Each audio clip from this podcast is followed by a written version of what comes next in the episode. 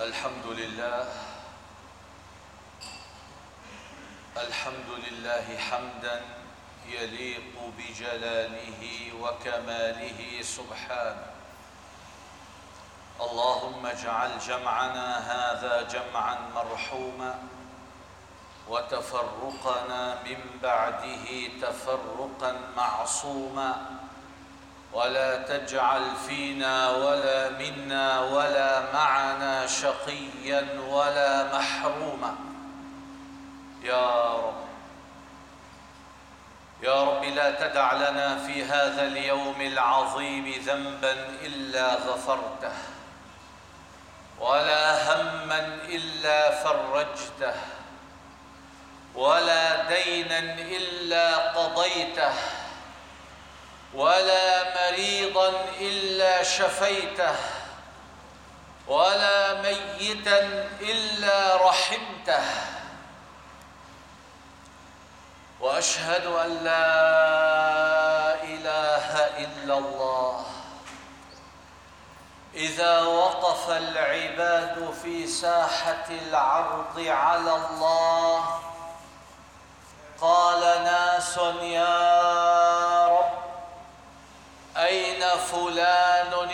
فلان؟ وأين فلان؟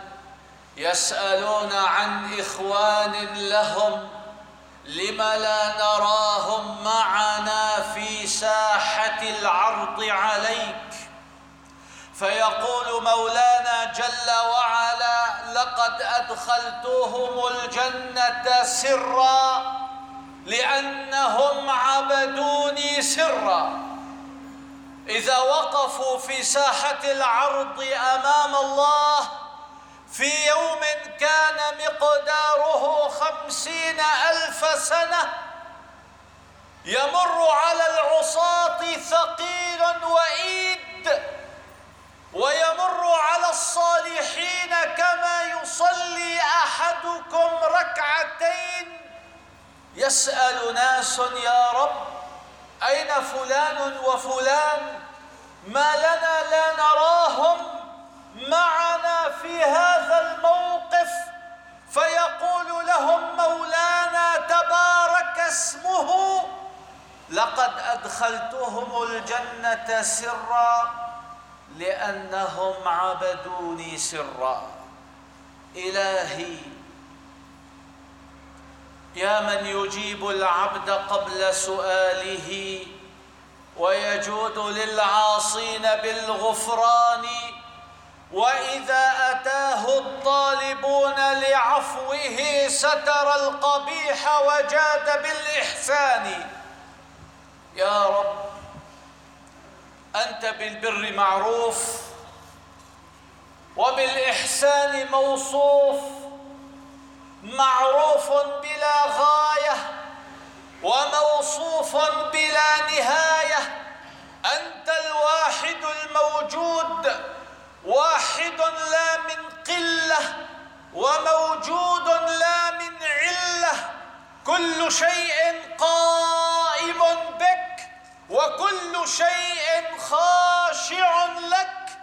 يا قوة كل ضعيف ويا عز كل ذليل ويا غنى كل فقير ويا مفزع كل ملهوف من تكلم سمعت نطقه ومن سكت علمت سره ومن عاش فعليك رزقه ومن مات فإليك منقلبه يا من يراني ولا أراه انظر بعين الرضا لحالي وأشهد أن سيدنا ونبينا وعظيمنا وحبيبنا محمدا رسول الله. اللهم صل وسلم وبارك على سيدنا محمد وعلى آله وأصحابه أجمعين ومن تبعهم بإحسان إلى يوم الدين. أيها الإخوة والأحبة تعالوا بنا نجلس بين يدي سورة عظيمة من سور القرآن. ونحن مع حضراتكم لا زلنا في إضاءات حول جزء تبارك. فقد تحدثنا فيما مضى عن سورة تبارك الذي بيده الملك. ثم تناولنا بالحديث سورة نون والقلم وما يسطرون واليوم نقف مع حضراتكم أمام سورة عظيمة. ألا وهي سورة الحاقة. الحاقة. وما أدراك وما الحاقة؟ وما أدراك ما الحاقة. نقف مع حضراتكم أمام هذه السورة المكية التي نزلت في مكة بعد سورة تبارك الذي بيده الملك آياتها اثنان وخمسون ورقمها في ترتيب السور في المصحف تسع وستون.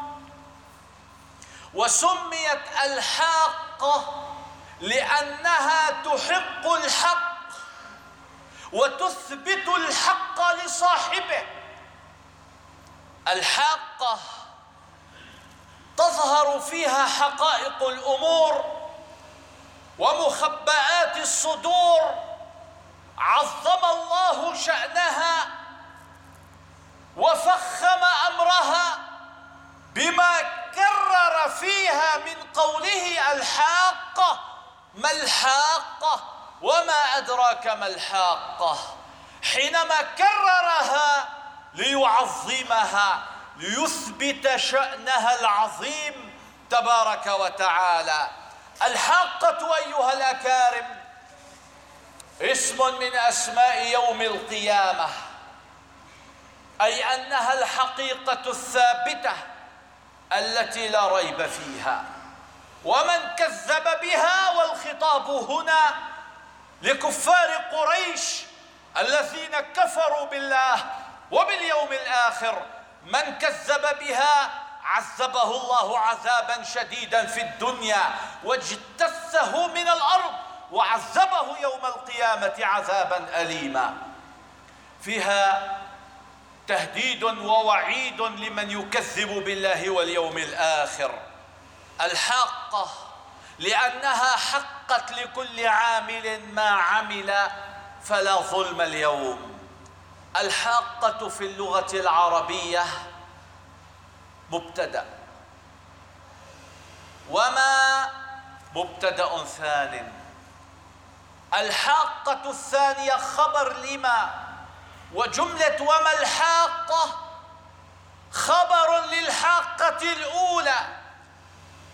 وهذا كما تقول زيد ما زيد؟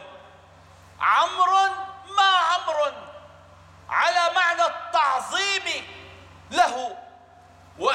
وإبهام التعظيم ليتخيل السامع أقصى درجات التخيل من عظمة زيد.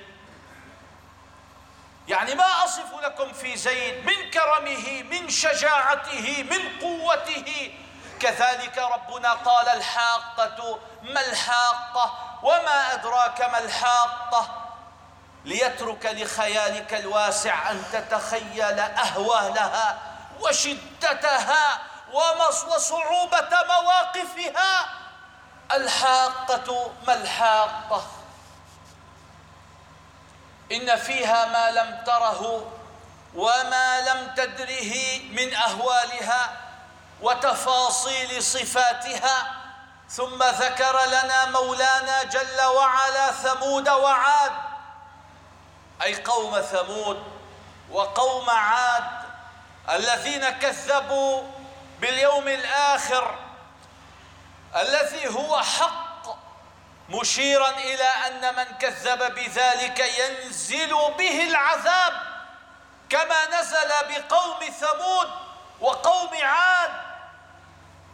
الحاقة ما الحاقة وما أدراك ما الحاقة؟ كذبت ثمود وعاد بالقارعة. اسم آخر ليوم القيامة. يوم القيامة له أسماء كثيرة. فمن أسمائه الحاقة والقارعة والغاشية والصاخة والطامة والآزفة والخافضة الرافعة تخفض أقواما إلى النار وترفع أقواما إلى الجنة. فأما ثمود فأهلكوا بالطاغية أي أهلكوا بصيحة شديدة وأما عاد فأهلكوا بريح صرصر عاتية. الريح الصرصر الريح شديدة الصوت شديدة البرد. وأما عاد فأهلكوا بريح صرصر عاتية. سخرها عليهم سبع ليال وثمانية أيام حسوما أي بدون انقطاع. ريح شديدة شديد صوتها شديد بردها لا تنقطع عنهم أبدا. سبعة ليا سبعة أيام وثمانية سبعة ليال وثمانية أيام حسوما. لا تنقطع لا تتوقف. فترى القوم فيها صرعى ترى القوم يتساقطون على الأرض من عذاب الله. موتى هنا وهناك مطروحين أرضا من العذاب الذي الذي نزل بهم. كأنهم أعجاز نخل خاوية. كأنهم جذوع النخل الفارغة من الجوف. جوفها فارغ ساقطة على الأرض. فهل ترى لهم من باقية؟ هل بقي أحد منهم؟ أفناهم الله جميعا لأنهم كذبوا بالله وباليوم الآخر اجتثهم عن آخرهم لم يبق منهم أحدا فترى القوم فيها صرعى. كأنهم أعجاز نخل خاوية فهل ترى لهم من باقية؟ هذا جزاء الذين يكذبون بالله وباليوم الآخر. فيا كفار قريش عودوا إلى رشدكم عودوا إلى إيمانكم بالله وباليوم الآخر. قبل أن يحل بكم ما حل بقوم ثمود وقوم عاد وما أخبارهم عنكم ببعيد. الله يحذر كفار قريش ويحذرنا من بعدهم أن كونوا مؤمنين بالله كونوا مصدقين بالحاقة والقارعة والصاخة والطامة الخافضة الرافعة. كونوا مؤمنين بالله.